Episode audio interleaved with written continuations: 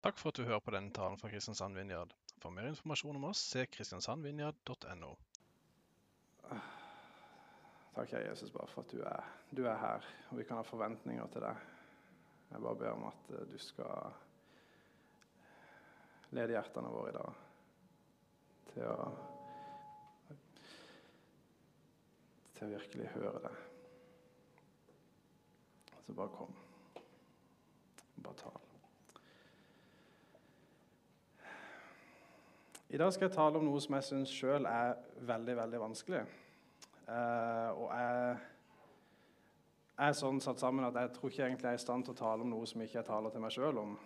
Eh, og dette er noe som jeg kjenner at selv om jeg har jobba med det i ganske mange år nå, så er jeg nok ikke helt i mål. Um, jeg har kalt dagens tale 'Våg å være annerledes' del to. Uh, og jeg skal tale om det som fikk apostlene til å si 'øk vår tro'. Um, jeg har jo tidligere delt litt om uh, hvordan Gud har jobba i mitt liv, og fortsatt jobber i mitt liv, for å fjerne den søpla som har bygd seg opp over tid. Og jeg hadde en veldig rar opplevelse her for en stund siden, hvor jeg var ute og kjørte. Det var en eh, sånn uvanlig fin sommer da, som vi nesten aldri har på Sørlandet. Sola skinte, og jeg kjørte med solbrillene på. Så jeg liksom bare var litt sånn takknemlig for at jeg har så gode solbriller. Så Plutselig så kjørte jeg inn i en tunnel da, som lysene var gående i. Plutselig så var ikke de solbrillene så veldig til hjelp. Og så i det så følte jeg at Gud begynte å tale til meg. Og, eh, og det er liksom sånn at Solbrillene de reduserer jo faktisk hva vi ser. De reduserer hvor mye sol vi får inn. Eh, og akkurat på samme måte så kan vi ha på oss briller som reduserer det vi ser, som påvirker hvordan vi ser verden.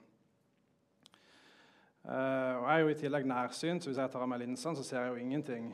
Men det er jo på en måte ikke noe jeg tenker over før jeg plutselig skal ta av meg linsene. Og, og, jeg tror det er litt sånn med de brillene som vi har på oss, at uh, de blir påvirka av ting som skjer rundt oss. Når vi blir krenka, når vi blir såra, når noen gjør noe mot oss. Og I store deler av livet mitt har jeg båret på disse sårene. Har, eh, det har vært ting som har skjedd med meg i barndommen, det har vært ting som har skjedd med meg i voksen alder, som på en måte har påvirka meg, og som jeg ikke har deala med, som jeg på en måte bare har latt ligge der og sakte, men sikkert eh, stifte vennskap med andre vonde følelser. Um, og det står i ordspråkene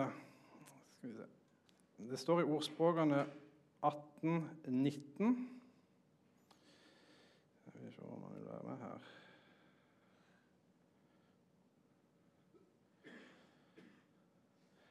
En krenka bror er en befesta by, krangel som bommen på en borgport. Og det er litt så interessant at det står det. Ehm, så måtte jeg liksom, når jeg leste det, så kjente jeg liksom at det, det talte til meg. Så måtte jeg slå opp litt hva egentlig 'befesta' vil si. Og I Store norske leksikon så står det altså at en befestning det er noe som hovedhensiktene er, er å gjøre det mulig for den ofte svakere part å forsvare seg mot den ofte sterkere angriper ved at det skal koste mye å angripe, helst så mye at angriperen lar være. Dette kan oppnås ved å bygge murer, dekningsrom, etablere gode ildmuligheter for forsvarerens våpen samt gjøre terrenget vanskelig fremkommelig for angriperen. Og, og hvorfor bruker Bibelen et sånt et ord på det? Jeg tror at det er kanskje det mest dekkende for hva som jeg har følt på i mitt liv. Og det som er problemet er at Jo mer du bygger opp forsvar, jo mer du bygger opp murer, jo vanskeligere blir det å se hvem som er fiende, og hvem som er venn. Hvem som du ønsker å slippe inn, og hvem som ikke du ønsker å slippe inn. Og Jeg kjenner at jeg har på en måte vært helt blind for hvordan jeg har bygd opp disse murene, før Gud begynte å tale til meg om det. Som jeg nevnte litt på begynnelsen, så har jeg båret med meg mye bagasje og uh, mye sår. Og det gjorde at når uh, meg og Renate ble kjærester for 15 år siden, så klarte jeg ikke helt å stole på at hun kom til å være sammen med meg. Jeg la hele tida planer for hvordan jeg skulle klare å takle det den dagen hun gikk fra meg. For det visste jeg hva kom til å skje. Det var jeg helt sikker på. Jeg kunne ikke stole nok på at hun kom til å være der for meg. Um, og du klarer ikke å stifte et veldig godt forhold på de grunnlagene. Og det tok lang tid, til og med etter at vi hadde gifta oss og hun hadde sagt ja til meg i kirka og på å leve med meg i gode og onde dager, så klarte jeg ikke å tro på at hun hadde sagt ja på det. Og Det har vært en lang prosess for meg å klare å stole på den personen som jeg vet på jorda elsker meg høyest, mulig, altså høyest av alle, og som virkelig er der for meg alltid og alltid har stilt opp for meg. Men det, jeg ser på verden, eller har sett på verden, med noen briller som har vært farga av de opplevelsene jeg har vært igjennom.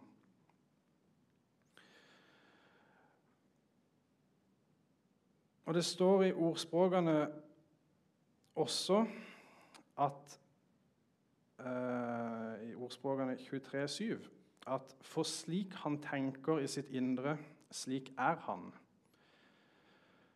Og Det står riktignok om en gjerrig mann, men det er et litt sånn interessant bibelvers. for det, um, I den prosessen som jeg har vært nå, så har jeg jo på en måte vært uh, involvert med litt sånn rask psykisk helsehjelp og litt sånt. Og der har de noe som kalles for uh, kognitiv atferdsterapi. Hvor uh, hovedessensen er at tanken former hvordan du lever, hvordan du har det. Hvor man på en måte jobber med disse tankene. Så Bibelen bekrefter jo på en måte det vitenskapen òg sier. Um, og Dersom noen gjør noe mot oss, så er det veldig lett at vi bærer det med oss inn i neste situasjon. Og Hvis vi da får en ny negativ situasjon, så bærer vi det også med oss. Og jeg har prøvd å skulle illustrere dette litt. Det er jo litt sånn Når vi kommer i en ubehagelig situasjon, noen er sinte på oss, så ser vi på en måte bare akkurat det som skjer rundt oss. Det er veldig vanskelig å på en måte se rundt. Vi får veldig sånn tunnelsyn. Eh, det som så skjer etter at vi har vært gjennom en sånn situasjon, så får vi plutselig litt sånn, eh, en linse på øyet vårt hvor vi husker på den situasjonen. Husker på hvordan vi føltes etterpå. Og Hvis ikke vi dealer med det, så kommer det gjerne flere. Plutselig så er såra blitt både såra og skuffa.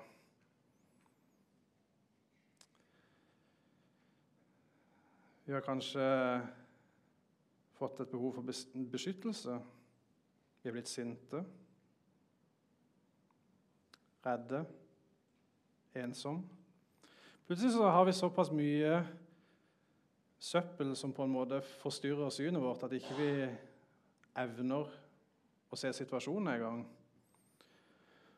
Og plutselig så skjer det noe. Det kommer noe nytt. Men pga. Måten vi ser verden på, så klarer vi ikke å se hva det nye er engang. Noen som klarer å se hva som er på bildet bak? Var nesten.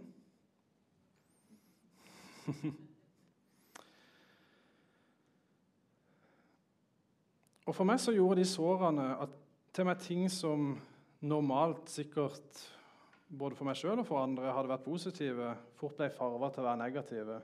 Det kunne være liksom at noen ga meg et kompliment, og så tenkte jeg at nei, men jeg tror ikke helt de mente det. Eller jeg, kanskje de sa det sarkastisk. Eller ah, hva, hvorfor sier de det? Har de en baktanke med det? Og, ehm, og jeg hadde mye bitterhet. Og det kom på en måte til et punkt hvor jeg innså at min bitterhet og hvordan jeg så verden og så på andre, òg prega hvordan jeg var mot andre. Jeg kunne liksom nesten ubevisst være krasse eller, krass eller ufin eller eh, irritabel eller hva det måtte være mot andre, uten å egentlig tenke over det. Bare fordi jeg bar dette med meg i, hjertet mitt. Og, og, Noen ganger så kunne det til og med skje med nye som jeg ikke egentlig kjente så godt. Bare fordi de kanskje sa noe eller gjorde noe som jeg hadde hatt noe erfaring med som ligna litt på det som jeg hadde opplevd før.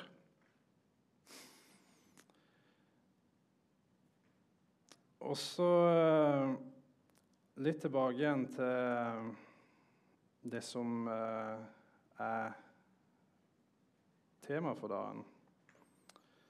Så står det jo noe før 'øk vår tro'. Der sier Jesus om han, og da snakker han om din bror, synder mot deg sju ganger om dagen, og sju ganger kommer tilbake til deg og sier 'jeg angrer', så skal du tilgi han. Og apostlene sa til Herren, 'Øk vår tro'.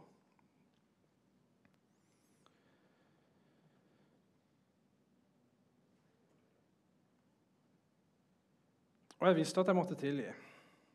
Jeg visste at det var mange jeg ikke hadde tilgitt. Jeg visste at jeg hadde gjort ting galt sjøl som ikke jeg hadde bedt om tilgivelse for.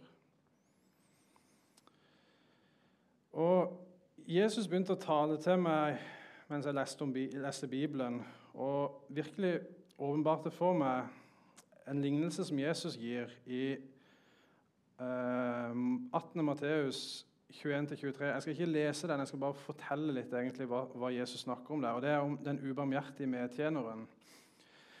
Og Der er det altså en konge som har en tjener som skylder han helt vanvittig mye penger. Jeg måtte slå opp eh, omberegningskursen på det, og, det er altså rundt 408 eh, millioner kroner.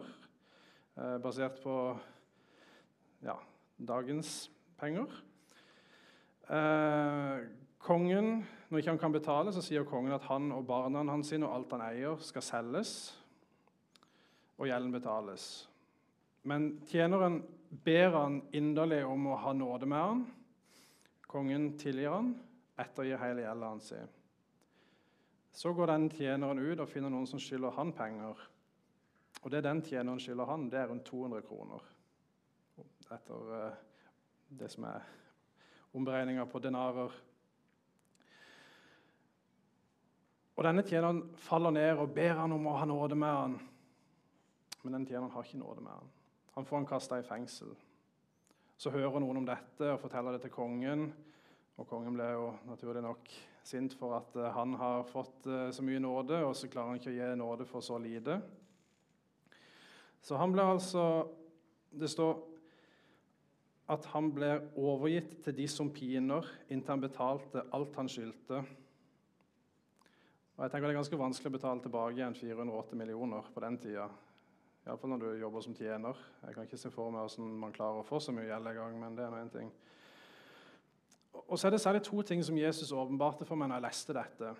Og Det første det er at når denne lignelsen er ferdig, så står det ingenting om at uh, den uh, medtjeneren til tjeneren slapp ut av fengsel? Det Står ikke. Så på en måte så er det sånn at de som vi ikke tilgir, de er bundet. De sitter i et fengsel som vi holder dem.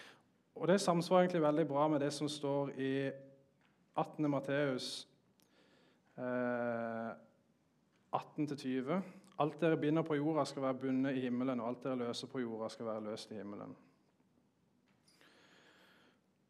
Og Det andre er at den ubarmhjertige medtjeneren blir overgitt til de som piner, altså torturerer, inntil han betalte alt han skyldte, til han gjorde opp for seg.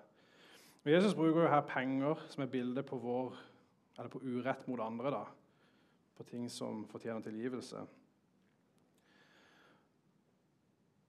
Og jeg tenker liksom det at hvis vi lever i den utilgivelsen og den ubarmhjertigheten, så lever vi på sett og vis i en slags tortur for oss sjøl uten at vi nødvendigvis er klar over det sjøl, fordi vi lever ikke det fullverdige livet som Jesus egentlig har gitt oss muligheten til å få tilgang på.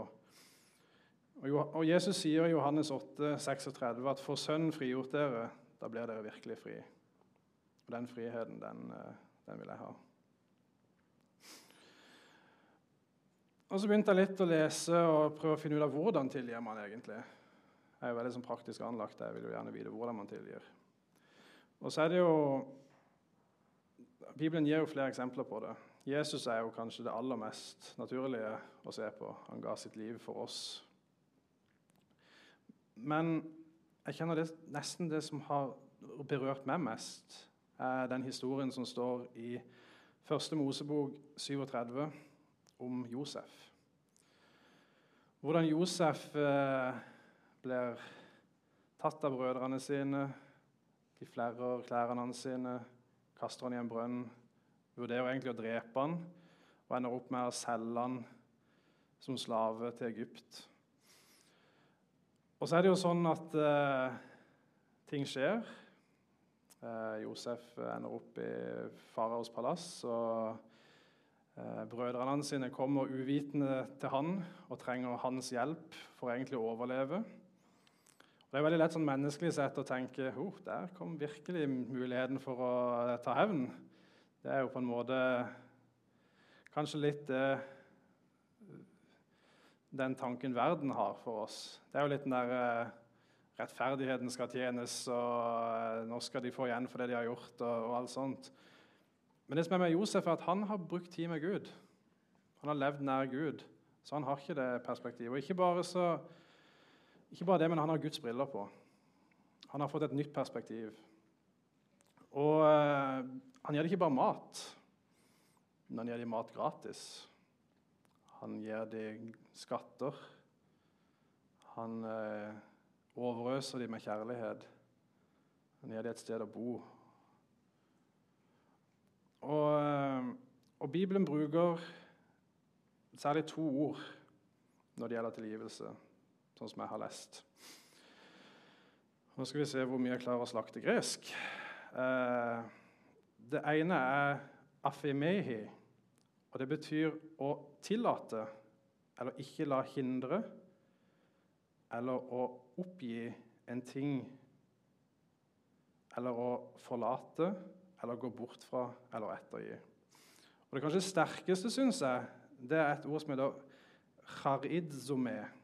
Og Det betyr å gjøre noe godt, noe snilt eller behagelig mot noen. Å gjøre en tjeneste, og vise seg gavmild, vennlig, velvillig, og gi overflod, og sjenerøst gjenopprette eller å bevare en person i nød. Og jeg kjenner det sånn, Når jeg leser disse tingene, så er det sånn Wow, det er heftige greier. For uh, hvis du spesielt skal gjøre det syv ganger i løpet av en dag mot noen som har gjort noe galt mot deg, da kjenner jeg liksom at uh, det, min toleranse for uh, krenkelser slutter ganske mye tidligere enn det. enda verre ble det jo når Jesus sier at det ikke bare sju ganger, men 70 ganger sju i Matteus 18, 22. Og, og jeg tror kanskje ikke at vi er i stand til det heller i vår egen kraft. Jeg tror på en måte vi er nødt til å ha Den hellige ånds ledelse. Og, og da skjer det noe. Um, vi ser.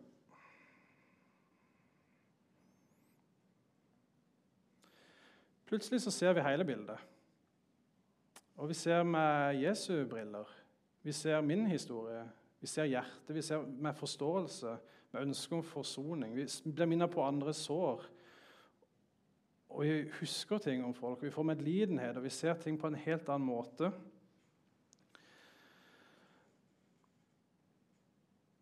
Og Samtidig så tror jeg det er viktig å huske på hva tilgivelse ikke er.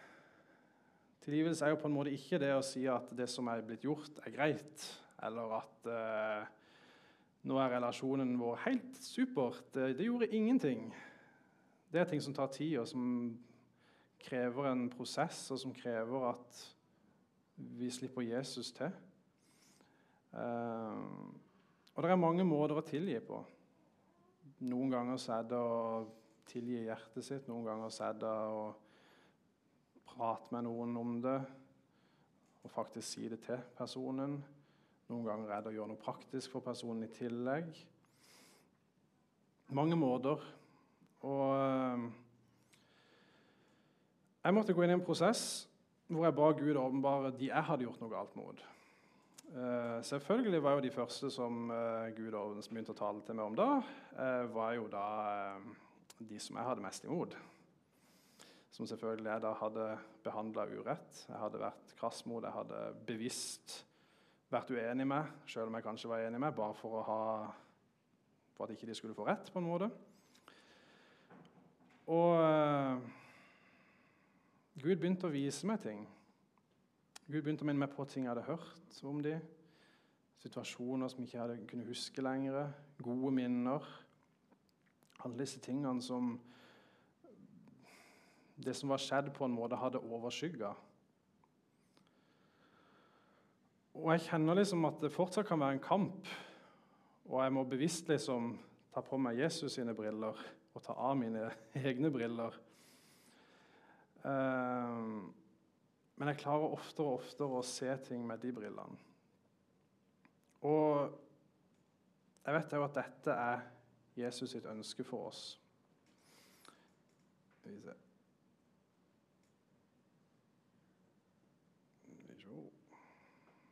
Ikke helt være med han der. I Kolossene 3, 12-13 så står det dere er Guds utvalgte hellighet og elskede ham. Kle dere derfor i inderlig medfølelse og vær gode, milde, ydmyke og tålmodige, så dere bærer over med hverandre og tilgir hverandre hvis den ene har noe å bebreide den andre. Det går begge veier. Det står 'kle dere'. Det er en aktiv ting. Det er noe vi gjør. Det er noe vi gjør hver dag. Vi kler oss. Og Så tenker jeg over alle ting Jesus har tilgitt meg for.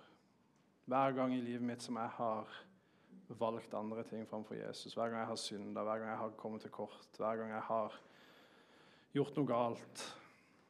Hver gang så står han der med åpne armer, som den kjærlige og elskende pappaen som han er. Klar til å ta imot meg. Og når jeg kjenner på det, så kjenner jeg liksom bare at det skjer noe i meg. Det er det som på en måte motsetter seg å tilgi og elske andre. Det blir liksom myka opp. Det blir forandra. Og jeg kjenner at uh,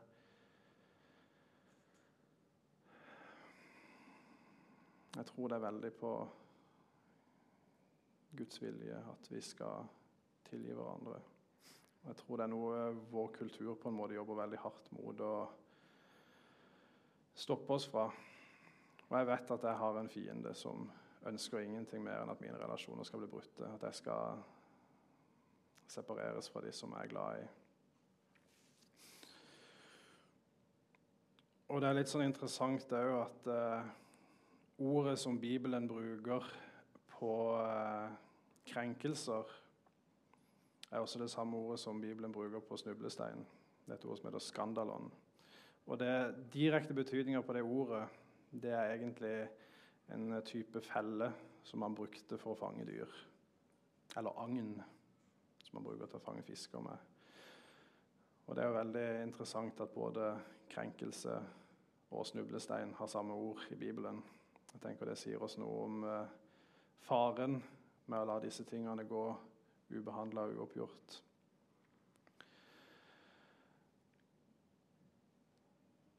Og så er det litt sånn um, en test, egentlig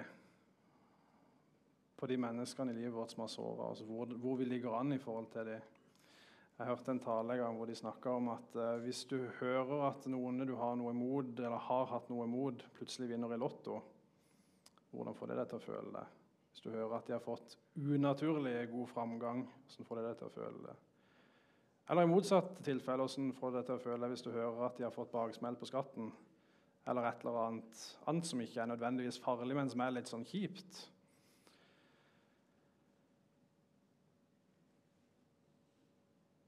Og jeg kjenner liksom bare at uh, jeg tror Gud utfordrer oss i dag.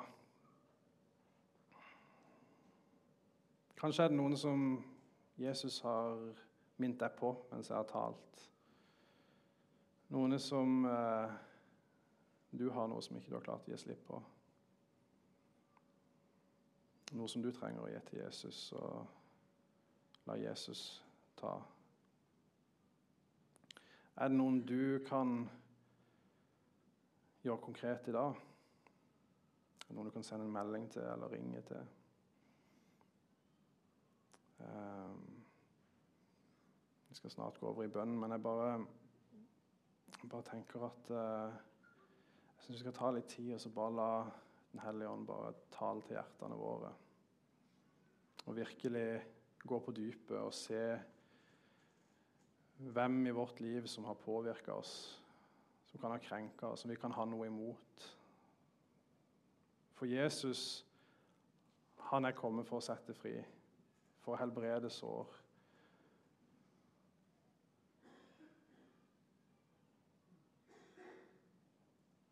Han er veien, sannheten og livet. Han er frihet. Så kan vi ikke bare reise oss, så bare står vi sammen litt i bønn. Kjære himmelske Far, jeg bare takker deg for at du er Herren legen. Takk deg for at du ønsker ikke at vi skal være bundet av tidlige opplevelser og sår fra fortida. Du ønsker at vi skal stå i frihet, og du ønsker å se relasjoner helbreda, gjenoppretta. Du ønsker å se oss stå sammen. Du ønsker å se oss stå i enhet og redde familier, redde relasjoner. Så jeg bare ber om at du skal tale til hjertene våre, at du skal gi oss en ny påminning om hva du gjorde for oss på korset, Herre. Du ble krenka, du ble såra, du ble utstøtt. Du sto helt alene. Du ble drept for våre synder, til tross for at vi sto så langt vekk fra deg. Så elska du oss så høyt at du ga ditt liv for oss. Så hjelp oss bare til å kjenne den kjærligheten som du har for oss i vårt hjerte, og for de som vi bærer nag mot, og som vi bærer noe negativt mot. Hjelp oss til å tilgi og til å være gavmilde, til å være medlidende, til å være elskende sånn som du elsker oss. Og Hvis det er noe konkret i våre liv som du ønsker at vi skal gjøre noe konkret for i dag, Herre, så bare tal til oss om det til hver og en av oss. Og La oss ha mot til å ta første skritt. La oss tørre å ta eierskap over ting som vi har gjort. Selv om de andre har gjort noe feil først, så hjelp oss til å ta eierskap over det vi har gjort òg. Til å ta første skritt til å be om tilgivelse for det vi har gjort, og til å gi tilgivelse for det andre har gjort mot oss.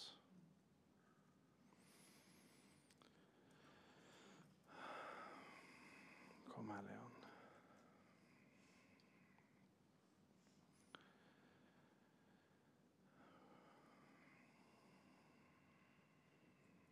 Nå skal vi ha litt forbønn, sånn som vi pleier å ha. Og hvis du har noe som du kjenner at du vil bli bedt for, så er det bare å komme opp. Så setter vi på litt lovsang. Hvis det, du, hvis det er noe du kjenner er vanskelig i forhold til det jeg har talt om, så jeg inviterer jeg deg bare til å komme opp. Så kan vi stå sammen i bønn om det. Og så ønsker jeg alle en utrolig fin sommer. Håper at vi ses i løpet av sommeren, alle sammen. Setter vi på litt lovsang. Jeg bare så Vi hadde bønn før gudstjenesten. Så så jeg et bilde. Eh, og det bildet, det var en glassbeholder. Eh, og det var noe inni den glassbeholderen, og det var på en måte utilgjengelig, for det var beskytta glass. Og så plutselig så bare sprakk det glasset. Og det fikk veldig mye mening når du talte og delte. Og det, og det, er bare et bilde på dette som jeg tror Ivar har snakka om, at uh, de her tinga våre eh, som vi kanskje gjerne vil gjøre noe med, de er liksom inni de murene, men det er bare sånne glassboller. Så vi ser på en måte der er vi ser konsekvensene. Og poenget tror jeg var at Jesus sa men det er for meg å knuse glasset. Det er det han gjør. Takk for at du hørte på denne podkasten. Ta gjerne kontakt med oss via vår Facebook-side Kristiansand Vinjard, eller besøk oss på Vågsbygd Ringvei 100 i Kristiansand. For mer informasjon om hva vi gjør og hvordan du kan bli involvert, gå inn på kristiansandvinjard.no.